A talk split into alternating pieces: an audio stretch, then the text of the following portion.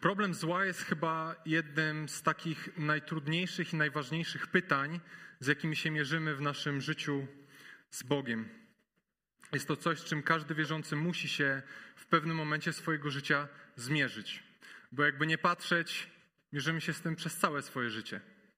Kiedy jesteśmy małymi dziećmi, mierzymy się z niekończącymi się atakami zarazek. Kiedy próbujemy dojść do tego punktu odporności, kiedy nie jesteśmy przeziębieni co tydzień, a rodzice mogą choć trochę odpocząć.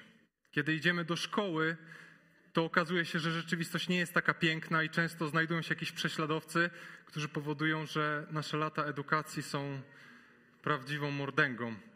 A z drugiej strony, kiedy już jesteśmy dorośli, wchodzimy w życie z takimi ambicjami i pełni nadziei, że jakoś ułożymy to życie tak, żeby było dobrze, to się okazuje, że wcale tak nie jest. Że praca jest czymś trudnym i mozolnym, że nasze dzieci nie są takie idealne, jakie sobie wymarzyliśmy i że jednak rachunki cały czas trzeba płacić. A z drugiej strony, jak już jesteśmy starsi, już żyjemy z perspektywą tego całego życia, to nagle zaczynamy tracić zdrowie. I wstanie rano z łóżka już nie jest takie proste, jak wtedy, kiedy się miało 25 lat. Problem zła jest obecny, jest trudny.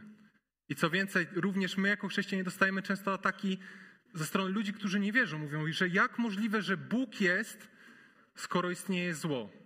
I co więcej, to zło jeszcze spełnia swoją wolę. To jaki jest ten Bóg? I dzisiaj chciałbym, żebyśmy na przykładzie tekstu z Ewangelii Mateusza przyjrzeli się początkowemu etapu, etapowi życia Jezusa, gdy on również zmagał się z potwornym złem. Podobnie zresztą jak odbiorcy Ewangelii Mateusza, nawróceni Żydzi, którzy pomimo tego, że przyjęli Jezusa jako Mesjasza, cierpieli prześladowania, cierpieli odrzuceni ze strony swoich rodzin i ponosili koszt, doświadczali zła.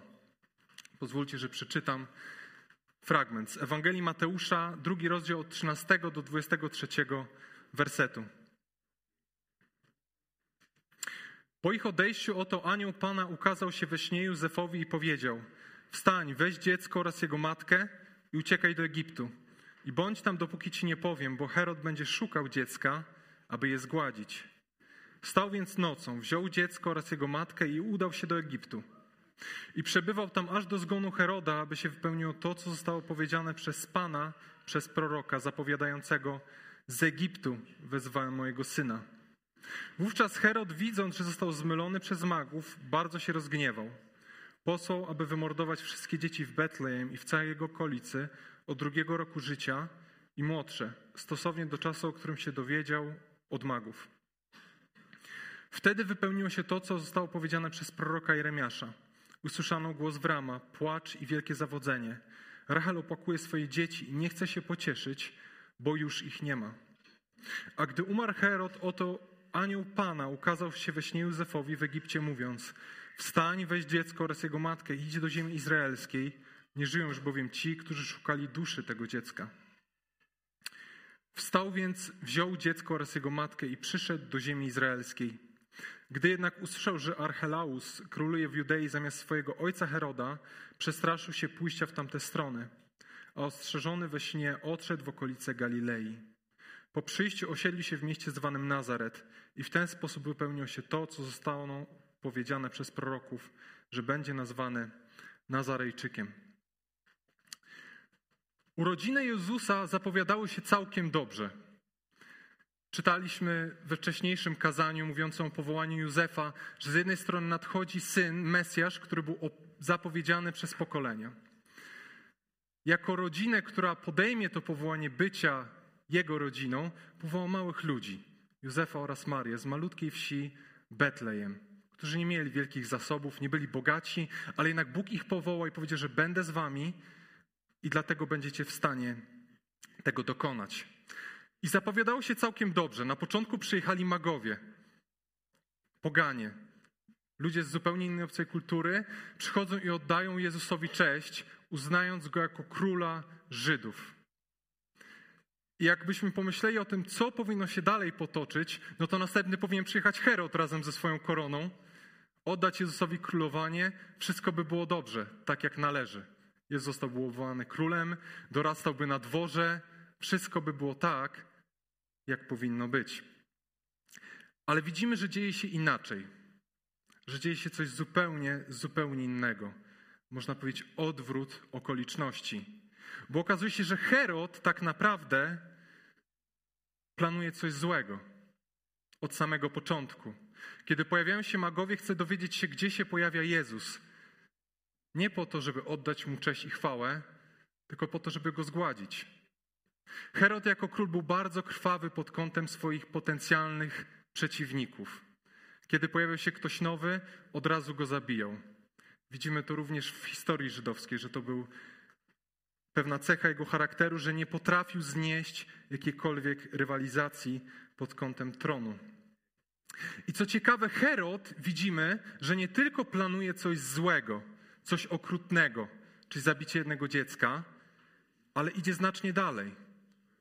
Czyli morduje wszystkie dzieci, które znajdują się w Betlejem, ponieważ widzi, że nie dostał od magów informacji, na którą czekał, czyli gdzie jest ten obiecany Mesjasz, gdzie jest ten mój rywal.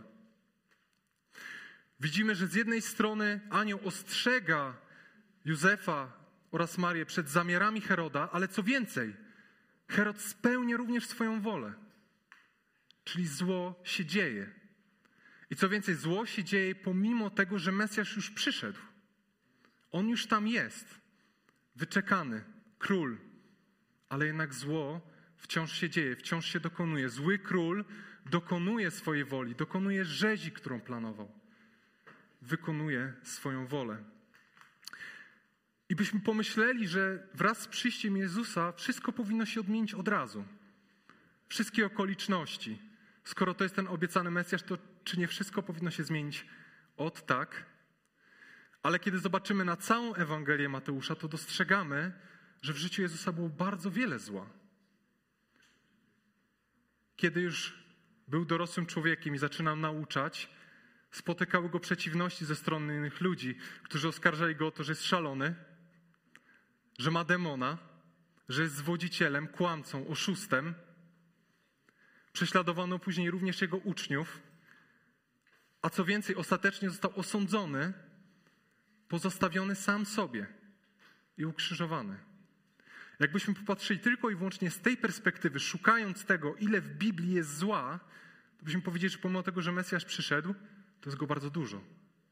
I wydaje się wręcz, że cały czas ono włada a nie Bóg, który ma panować nad tym światem. Widzimy przez to, że zło jest realne, obecne, chociaż Mesjasz już przyszedł. Czasami w naszym życiu też się zastanawiamy, dlaczego jest tyle zła wokół nas.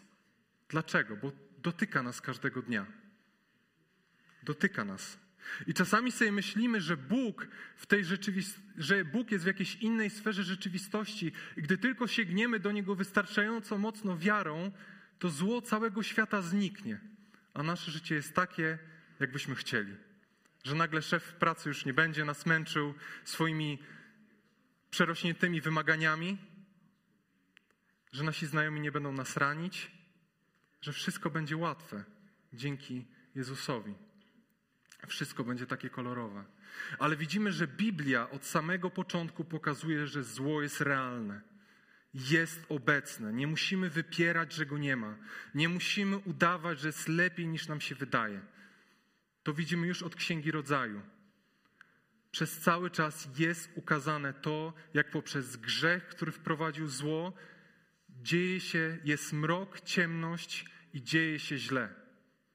Czasami ludzie, którzy chcą szydzić z Biblii, wyłapują właśnie pewne elementy, mówiąc: O, ale wy tam macie wielożeństwo, niewolnictwo, macie morderstwa, śmierć. Dzieje się tam masa złych rzeczy. To jaki jest ten Bóg? No ale właśnie Biblia opisuje świat takim, jaki jest. Takim, jaki jest. Opisuje naszą rzeczywistość. Bóg nie przedstawia nam jakiejś bańki, w której mamy żyć. Przedstawia nam nasz świat nasz świat, ten bólu, zła i w którym zło jest obecne, jest realne. Nie musimy oszukiwać się, że go nie ma. Możemy się zmierzyć. Jest problem. Jest problem w moim życiu. Ostatnimi czasy rozmawiałem z takim jednym moim znajomym, który pomaga pewnej rodzinie, która przyjechała z obcego kraju, w której ojciec zmarł i poprzez swoje nałogi przełożył swoje nałogi na swoje dzieci. I teraz te dzieci zmagają się z tym, tutaj będąc w kraju. I powiem szczerze, po rozmowie z tym znajomym, kiedy usłyszałem całą tą historię, wszystkich, wszystkich tych okropności, to po pierwsze to poszedłem pod prysznic i się po prostu rozpłakałem. Bo pomyślałem, Boże, taki mrok. I te dzieci nijak na to w pewien sposób nie zasłużyły, niosą w pewien sposób grzech tego, co ich ojciec zrobił. Później sobie siedziałem w łóżku i myślałem, Boże, tyle mroku, tyle mroku. I co więcej, grzech w tym momencie stał się czymś realnym. Czasami myślimy, że grzech jest tylko jakimś leciutkim problemem. To, że czasem coś skłamie, to, że czasem źle się odezwę do kogoś, do mojej żony na przykład, albo do mojego przyjaciela, ale grzech nie jest jakimś przeziębieniem. Grzech jest niszczącą chorobą, która niszczy naszą rzeczywistość. Niszczy. Niszczy nasze życie, jest absolutnie destrukcyjny i przynosi realne zło i ciemność. I pojawia się pytanie, jak Bóg odpowiada na to zło? Czy Bóg jest bierny? Ludzie wymyślali różne teorie, jaki jest problem zła i jak Bóg na to odpowiada. Jednym z nich jest coś takiego, co się nazywa maltenizm. Czyli to, że Bóg w rzeczywistości jest kimś, kto się znęca nad nami. Kimś, kto robi to ze złośliwości, dlatego, bo ludzie są tacy okropni i zsyła to całe zło na nich. Jedni mówią, że Bóg jest całkowicie poza tym, że ludzie sobie coś robią, ale Bóg nie reaguje, stoi z boku, zostawił ich samych. A co nam pokazuje Mateusz w obliczu tej tragedii, która się stała z woli Heroda? Po pierwsze, widzimy, że Bóg daje Józefowi swoje słowo, którego ostrzega przed złymi zamiarami Heroda. Bóg daje swoje słowo. Anioł Pana przychodzi do Józefa i mówi mu, co czeka dziecko Józefa, jeżeli nie uciekną do Egiptu.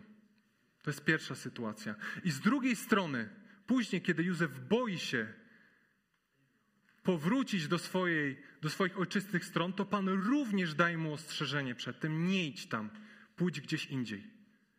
Jak zastanawiałem się nad tym tekstem, co musiał czuć Józef? My dzisiaj, kiedy rodzi się dziecko, to co najwyżej pojawia się jakieś zdjątko w gazetce, że pojawił się ten pan albo ta pani i na tym się kończy, w takiej miejskiej, już rzadko kto to czyta. E, ale z drugiej strony w malutkiej wiosce w tamtych czasach, kiedy rodziło się dziecko, to była ogromna impreza. Dlatego, że to była gwarancja dla miejscowości, że dzięki temu polepszy się nasz dobrobyt, bo pojawia się kolejne ręce do pracy, które będą pracować w polu. Na pewno była wielka impreza. Możliwe, że była tam rodzina Józefa i Marii, która cieszyła się z pierwszego wnuka. I nagle Józef dostaje słowo: uciekaj. Gdzie? Do Egiptu. Co musiał czuć Józef? Tutaj cała rodzina, bezpieczeństwo.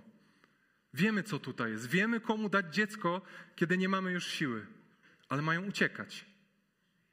Myśmy powiedzieli abstrakcja. Jestem ciekaw, co mówili mu znajomi Józefa. Józef, gdzie ty uciekasz? Co ty robisz? No uciekam do Egiptu. A czemu uciekasz do Egiptu? No zagrożenie. Jakie zagrożenie? To jest mała wioska w Betlejem. Kto się interesuje z dworu z Jerozolimy takim jak my? Słowo Boże czasem wydaje się abstrakcyjne, ale jednak chroni przed ogromnym niebezpieczeństwem. Chroni przed złem.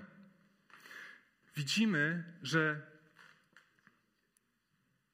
w pewien sposób Bóg daje swoje słowo do Józefa, nie eliminując zła, ale chroni Józefa, Jezusa i Marię przed jeszcze gorszym złem. Chroni Jezusa, Marię i Józefa przed jeszcze gorszym złem. Bo gdyby Józef nie posłuchał się tego słowa, no to by zginęli. Zginęliby razem z resztą dzieci. Jezus zginąłby razem z resztą dzieci. Ale jednak bierze to słowo, słucha i ucieka doświadcza zła, no bo w pewien sposób Jezus był emigrantem już od swojej maleńkości. Ale i tak zostaje ochroniony, i tak idzie w tą w dobrą stronę. Tak sobie myślę, że my często Słowo Boże też traktujemy jako abstrakcyjne. I czasami boimy się do tego przyznać.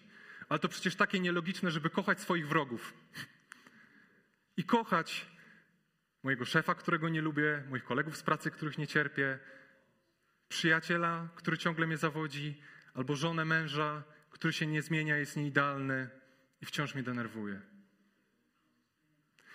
Nieracjonalne jest również to, żeby się o nich modlić i prosić Boga, żeby im błogosławił i ich prowadził. Z drugiej strony może być też nieracjonalne to, dlaczego mam się wystrzegać tylu wspaniałych rzeczy. Dlaczego mam unikać obżarstwa? Dlaczego mam dbać o swoją czystość seksualną? Dlaczego nie mam dążyć do władzy, ale mam służyć? Bo kto to jest sługa w tym świecie? Nikt. I czasami jest tak, że choć to słowo wydaje nam się abstrakcyjne, to jesteśmy mu posłuszni, przyjmujemy, że to jest słuszne, bo Bóg daje nam to słowo. I ciekawe jest to, jak później patrzymy wstecz na swoje życie, to widzimy, ile razy nam to ratowało skórę, chociaż tego nie rozumieliśmy. Trochę jak z radami rodziców, z których się najpierw śmiejemy, a później płaczemy, myśląc sobie, że jednak mieli rację. I albo nosimy konsekwencje nieposłuchania się tych rad, albo widzimy, jak nam to ratowało życie. Przyjście Jezusa nie rozwiązuje całkowicie problemu zła, ale Bóg daje swoje słowo, które nas ratuje przed pewnymi konsekwencjami tego zła. Bóg nam nie daje swojego słowa po to po prostu, żeby popatrzeć, jak marionetki w kinie sobie biegają tak, jak on zagra. Albo w teatrze. Nie jest takim reżyserem, który myśli sobie, chce po prostu spełnić swoją wizję, mają tak chodzić, bo mi się tak podoba. On daje swoje przykazania, bo to jest dla nas dobre. Kiedy dał swoje przykazanie Izraelowi, całe swoje prawo, to powiedział: Daję ci te wszystkie nakazy, słuchaj ich i te prawa, bo to jest dla ciebie dobre. To jest dla ciebie dobre. To miało stworzyć społeczeństwo, w którym biedni będą nakarmieni, w których nie będzie niesprawiedliwości, w których zło będzie ograniczone. Będzie ograniczone. Popatrzmy sobie nawet na takie dziesięć przykazań.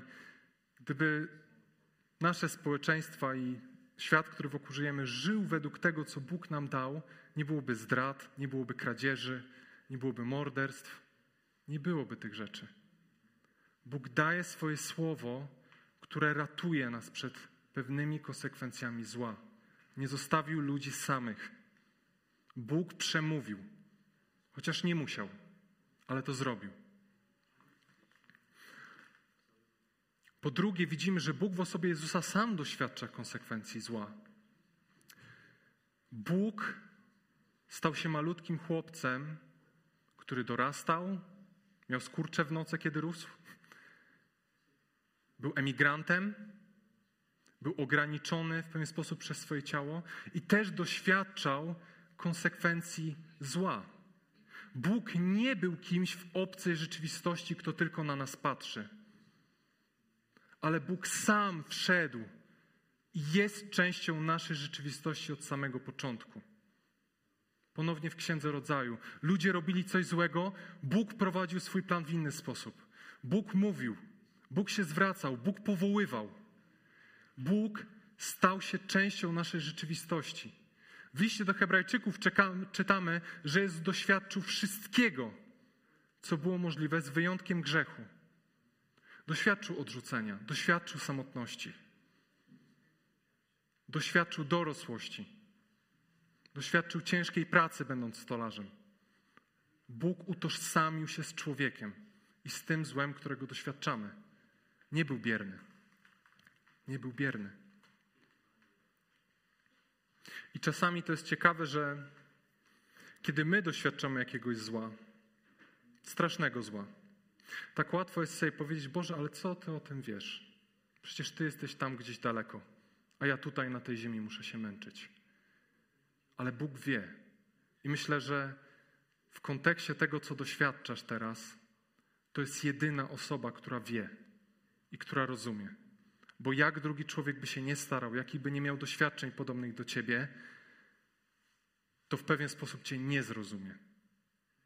I co więcej, Bóg nie udaje, że cierpienie nie jest i zło nie jest realne. Nie mówi nam przestań się mazać, przestań zwracać na to uwagę, weź się w garść. Mówi wiem przez co przechodzisz, też tam byłem.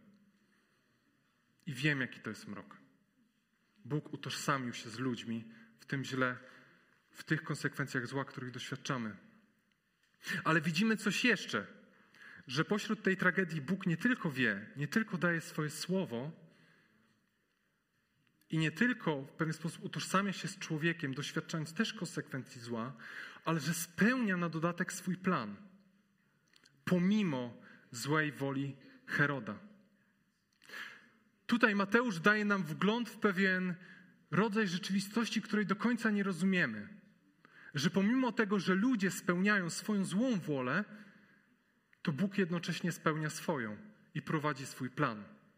Zobaczmy, w jaki sposób to dostrzegamy. Dostrzegamy to w tym, że choćby w takiej ucieczce do Egiptu, która była czymś ciężkim i złym, czytamy, że wypełniło się to, co zostało, zostało powiedziane przez Pana, przez proroka. Z Egiptu wezwałem mojego syna. Z Egiptu wezwałem mojego syna. Dzieje się tragedia, dzieje się zło, ale z drugiej strony Bóg też prowadzi swoją wolę, swój plan, swój cel. I tutaj widzimy dwa fragmenty. Drugiego nie załączyłem. Ale pierwszy odnosi się do tego, że z Egiptu wezwałem mojego syna, który było proroctwem z księgi Ozejasza. Drugie było proroctwem z księgi Jeremiasza, gdy jest mówione, że słychać płacz w rama. Rachela opakuje swoje dzieci, których już nie ma. I byśmy się mogli zastanawiać, do czego Mateusz się odnosi. Bo jakbyśmy sobie spojrzeli na fragmenty, które były w księgach prorockich, to mówiło trochę czymś innym. Ale o czym? Ozeasz, zapowiadając przyszłe zniszczenie Królestwa Północnego, przypomina to, jak Bóg wezwał Izraela z Egiptu, jak wyzwolił ich z niewoli, jak wyciągnął ich z tego zła, którego doświadczali. I tutaj widzimy, że w pewien sposób Jezus utożsamia się z cierpieniem tamtego ludu który był w Egipcie, doświadczał prześladowania, faraona, który nie chciał ich wypuścić, który śmiał się z Pana i doświadczali cierpienia i ciężkiej niewolniczej pracy. Widzimy, że w pewien sposób Jezus utożsamia się z tym wygnaniem, że ja również jestem prześladowany i ja również zostaję wygnany do Egiptu, z którego później Bóg mnie powołuje. Z drugiej strony jest Jeremiasz, który mówi o drugim ciemnym momencie w historii Izraela, czyli niewoli babilońskiej. Rama to było strategiczne miejsce, w którym Izraelici byli deportowani do Babilonu.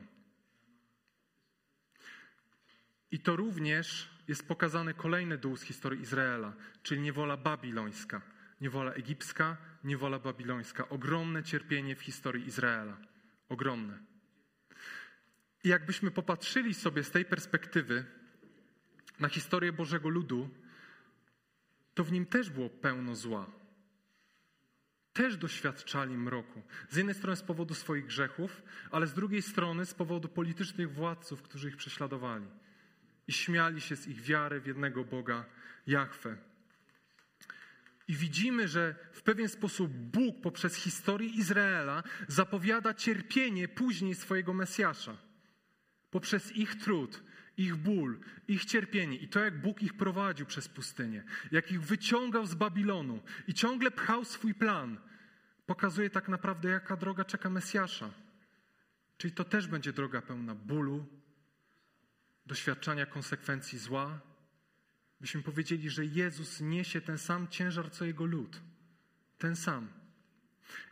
I możemy to też zobaczyć, jak to się odnosi do Kościoła. Później, kiedy Szaweł prześladuje Kościół i Kościół też doświadcza zła, nacisku, prześladowań, Jezus przychodzi do Szawa na drodze do Damaszku i co mu mówi? Szawle, szawle, dlaczego mnie prześladujesz? Dlaczego mnie prześladujesz? Mnie. Kiedy Kościół doświadcza trudności, to Jezus z Kościołem jest złączony jak dwie ręce, nierozerwalnie. Jeżeli Kościół doświadcza tego czegoś trudnego, to Jezus razem z nim w pełni utożsamia się ze zmaganiem Kościoła. Jako Kościół w Gdyni przez wiele lat na pewno zmagaliśmy się z trudnymi rzeczami. Myślę choćby o takiej prostej rzeczy jak ten budynek, że w takim kraju jak ten jesteśmy tacy mali i marzymy o jakimś swoim miejscu, przechodzimy z miejsca na miejsce. Ja jeszcze pamiętam, jak byliśmy w hotelu Gdynia, pamiętam, jak byliśmy w domu rzemiosła, byłem wtedy małym chłopcem i sobie myślę, Panie, ale to by było cudowne mieć coś swojego. Dlaczego? Dlaczego zawsze jest pod górkę? Dlaczego zawsze ciężko coś znaleźć? Teraz widzimy, że coś jest. Ale sam fakt, jaki trud przechodziliśmy, niby prosty, ale Jezus też przenosił się z miejsca na miejsce. Też był emigrantem. Też szedł z miejsca na miejsce i nie mógł znaleźć swojego miejsca. Ostatecznie okazuje się, że jego miejsce jest tam, podobnie jak nasze. Ale że jednak Jezus od początku naszych zmagań w tej kwestii i dalej, kiedy dalej zmagamy się z tym, z wszystkimi kwestiami prawnymi, dalej Jezus utożsamia się w tym z nami. Utożsamia się z naszymi problemami. Czy to są trudne problemy, czy łatwe. Utożsamia się z tym. Było jeszcze jedno proroctwo. Bardzo niepozorne. Kiedy Józef i Maria wrócili do Betlejem i okazało się, że jest tam niebezpiecznie i muszą uciekać do Nazaretu. Kolejna tragedia, kolejne zło się dzieje. Ale popatrzcie, na co wskazuje Mateusz. Że Nazaret, sama miejscowość, niesie za sobą pewny przekaz. Nazaret dosłownie z języka hebrajskiego oznacza różdżka. Różdżka. Byśmy powiedzieli przypadek. Józef musi znaleźć jakąś miejscowość, w której będzie bezpiecznie. Mówi, dobra, pójdę do Nazaretu. I co się okazuje, że Bóg spełnia w taki sposób swoją wolę. Ale jaką? Nazaret, różdżka. Jaką różdżkę znajdujemy w Starym Testamencie? Z księgi Izajasza. Kiedy czytamy o różdżce z pnia Jessego. O różdżce z pnia Jessego. Wyrośnie różdżka z pnia Jesaja, zaowocuje pęd z jego korzeniami, Spocznie na nim duch Pana, duch mądrości i rozumu, duch rady i mocy, duch poznania i bojaźni Pana. W tej bojaźni Pana będzie się rozsmakowywał. Sądzić on będzie nie według tego, co widoczne dla oczu, rozstrzygać nie według tego, co słyszalne dla uszu. Będzie sądził ubogich, kierując się sprawiedliwością, sprawę skrzywdzonych na ziemi rozstrzygał, powodowany słusznością. Berłem swoich ust będzie smagał ziemię, a tchnieniem jego warg śmierci bezbożnego. I będzie sprawiedliwość pasem jego bioder, a prawda pasem jego lędźwi. Wtedy wilk usiądzie przy jagnięciu, lampart zaś odpocznie przy koźlęciu, ciele i lwiątko wyjdą wraz z pasłem na paszę, z bydłem na paszę, a wyprowadzać je będzie mały chłopiec. Krowa będzie paść z niedźwiedzicą, ich młode położą się razem, a lew niczym byk będzie się karmił trawą. Niemowlę bawić się będzie nad kryjówką żmii, a dziecko ku noże węża wyciągnie swoją rączkę nie będą już krzywdzić ani sobie szkodzić na całej mej świętej górze, gdyż ziemia będzie pełna poznania Pana, jak wód, które okrywają morze.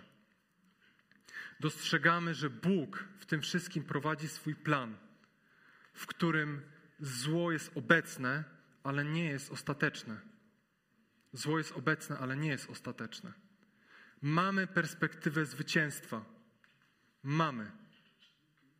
To nie jest jakaś abstrakcja. Chrześcijaństwo to jest jedyna, jedyna droga do tego, żeby znaleźć konkretne odpowiedź na to, dlaczego zło jest, ale z drugiej strony daje nadzieję na to, że zło jest rzeczywistym problemem i Bóg je w przyszłości rozwiąże. I Bóg ostatecznie osiągnie zwycięstwo. Byśmy mogli pomyśleć, że no ale to niedużo zmienia. To jest takie coś, że muszę się teraz dalej męczyć, dalej się trudzić i kiedyś niby będzie lepiej. Jaka to jest nadzieja? Ale myślę, że to jest bardzo życiowa nadzieja, którą dostrzegamy nawet w naszej codzienności. Popatrzcie, kiedy jest młody przedsiębiorca, który pracuje po 16 godzin dziennie, a nawet więcej, to czy on myśli o tym, że chce pracować po to, żeby pracować po 16 godzin, po to chce się tak trudzić? Nie, myśli o tym, że kiedyś zrobi z tego dobry biznes, sprzeda tą firmę i będzie żył tak, jak mu się podoba. Przeżywamy wiele trudnych rzeczy, w których perspektywa tego, co ma nadejść, pomaga nam przeżyć pewne trudności, przełknąć pewne gorzkie pigułki, które, z którymi się spotykamy, które nas czasami miażdżą. To jest troszeczkę tak jak z lataniem samolotem jeżeli byśmy powiedzieli komuś, masz teraz siedzieć 24 godziny na krześle, no to byśmy na niego spojrzeli jak na kosmitę. Ale z drugiej strony, że ci powiemy, będziesz siedział 24 godziny w samolocie i jedziesz na Hawaje, no to gdzie jest to krzesło? Żyjemy perspektywą końca, jeżeli chodzi o zło. Ono nie jest ostateczne. Wydaje nam się czasami, że w tym świecie rządzi, że ma ostateczny głos, ale nie ma. Nawet jeżeli byśmy zobaczyli na Jezusa z perspektywy takiej ludzkiej, byśmy sobie pomyśleli, ale przegrany. Służył ludziom, ukrzyżowali go i zostawili. Ale zobaczcie ostatecznie, że w tym cierpieniu i w tym krzyżu znajduje się zwycięstwo. Zwycięstwo Boga, bo ostatecznie Jezus powstaje z martwych, w co wierzymy. Zło jest obecne, ale nie jest ostateczne. Bóg daje nam obietnicę, że się skończy i że przyjdzie świat bez zła, bez cierpienia. Zło jest realne i spełnia swoją wolę. Jednak Bóg daje ludziom swoje słowo i pomimo obecności zła prowadzi swój plan. Nie ma co do tego prostych odpowiedzi. Nie ma. Doświadczamy różnego rodzaju trudności.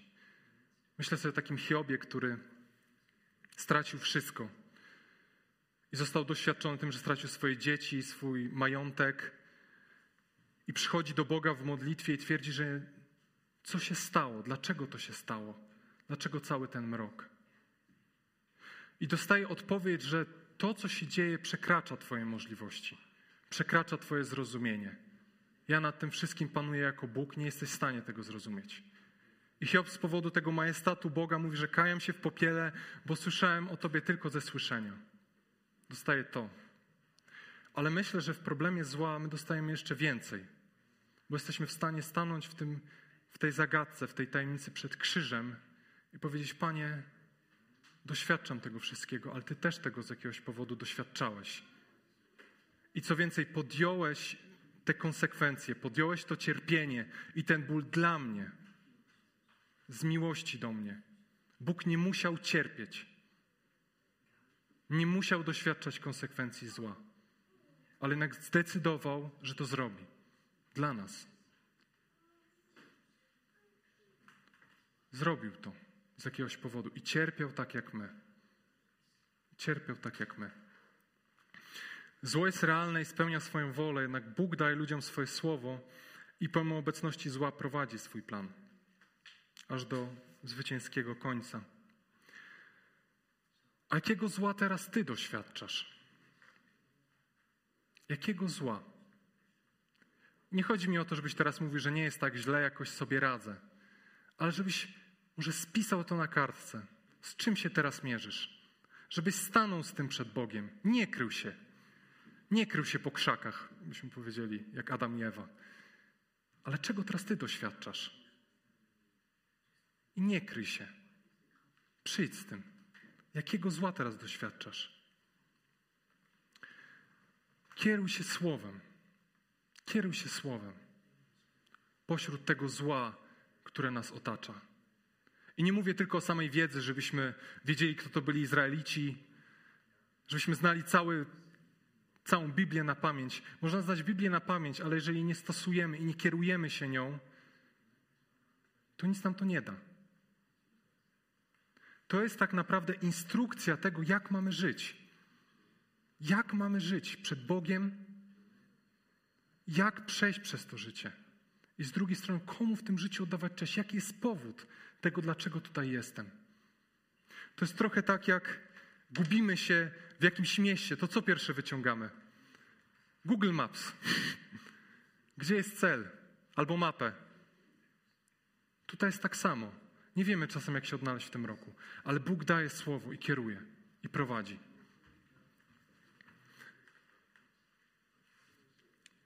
Myślę, że to, co też Mateusz robi do tych swoich odbiorców, którzy byli prześladowani, pokazuje: popatrzcie wstecz, że lud Boży od zawsze zmagał się ze złem i z cierpieniem. Popatrz wstecz na ludzi, którzy też zmagali się z mrokiem. Popatrz na Eliasza, który został w pewien sposób sam pośród złej królowej Jezebel i woła do Pana: Panie, sam zostałem. I Bóg mówi, ale ja dalej mam swój plan i go prowadzę. Przypatrz się, jak wołali do Pana, jak kierowali się do Niego, jak opierali się na Nim. Wzoruj się na ich wierze w pewien sposób. Spójrz na Jezusa, który doświadczał tak jak Ty. On jest Twoim sprzymierzeńcem. Czasami to jest. To zdarzają się takie momenty, że gdy dzieje się źle w naszym życiu, nagle znikamy z kościoła, przestajemy, rzucamy słowo na półkę, nie chcemy mieć już kontaktu z ludźmi, którzy też w Jezusa wierzą, odcinamy się. Ale tak naprawdę, słuchajcie, robimy tak, jakbyśmy poszli na wojnę bez karabinu i bez zbroi, bez niczego, w krótkich spodenkach. Bóg jest Twoim sprzymierzeńcem w tym wszystkim. On jest Twoją pomocą. On jest Twoją pomocą. On. A czasami, kiedy dzieje się zło, to pierwsze co robimy, to odcinamy sobie rękę. To odcinamy. Chowamy się przed Panem Bogiem, jakby to była Jego wina. Jakby to On robił. Ale to On jest naszym sprzymierzeńcem. On jest naszą pomocą, żeby przejść przez ten rok. Przejść przez to zło, którego doświadczamy. Możliwe, że nie zmieni wszystkiego. Nie uzdrowi wszystkich chorób. Nie wiemy dlaczego. Ale na pewno przez ten proces bólu pomoże przejść nam razem z nami. I to będzie znacznie lepsza droga, niż jakbyśmy powiedzieli: nic nie ma znaczenia, Boga nie ma, świat nadaje się tylko i wyłącznie na śmietnik. Koniec. Depresja poddaje się. Bóg jest siłą dla nas i pomocą w momencie, gdy doświadczamy zła. On ma być naszym sprzymierzeńcem i naszą tarczą. Spójrz na przezwycięstwo Boga nad złem. Spójrz na nie. Nie myślę tylko o tym, żeby czasem sobie powiedzieć, a dobra, kiedyś będzie lepiej. Naprawdę, nawet w modlitwie, ćwicz się w tym, żeby cały czas kierować swój wzrok do przodu, że to, co jest tutaj, nie jest ostateczne i nie osiągnie zwycięstwa. I nie odwraca się od Boga, gdy zmagasz się ze złem. Amen. Powstajmy do modlitwy.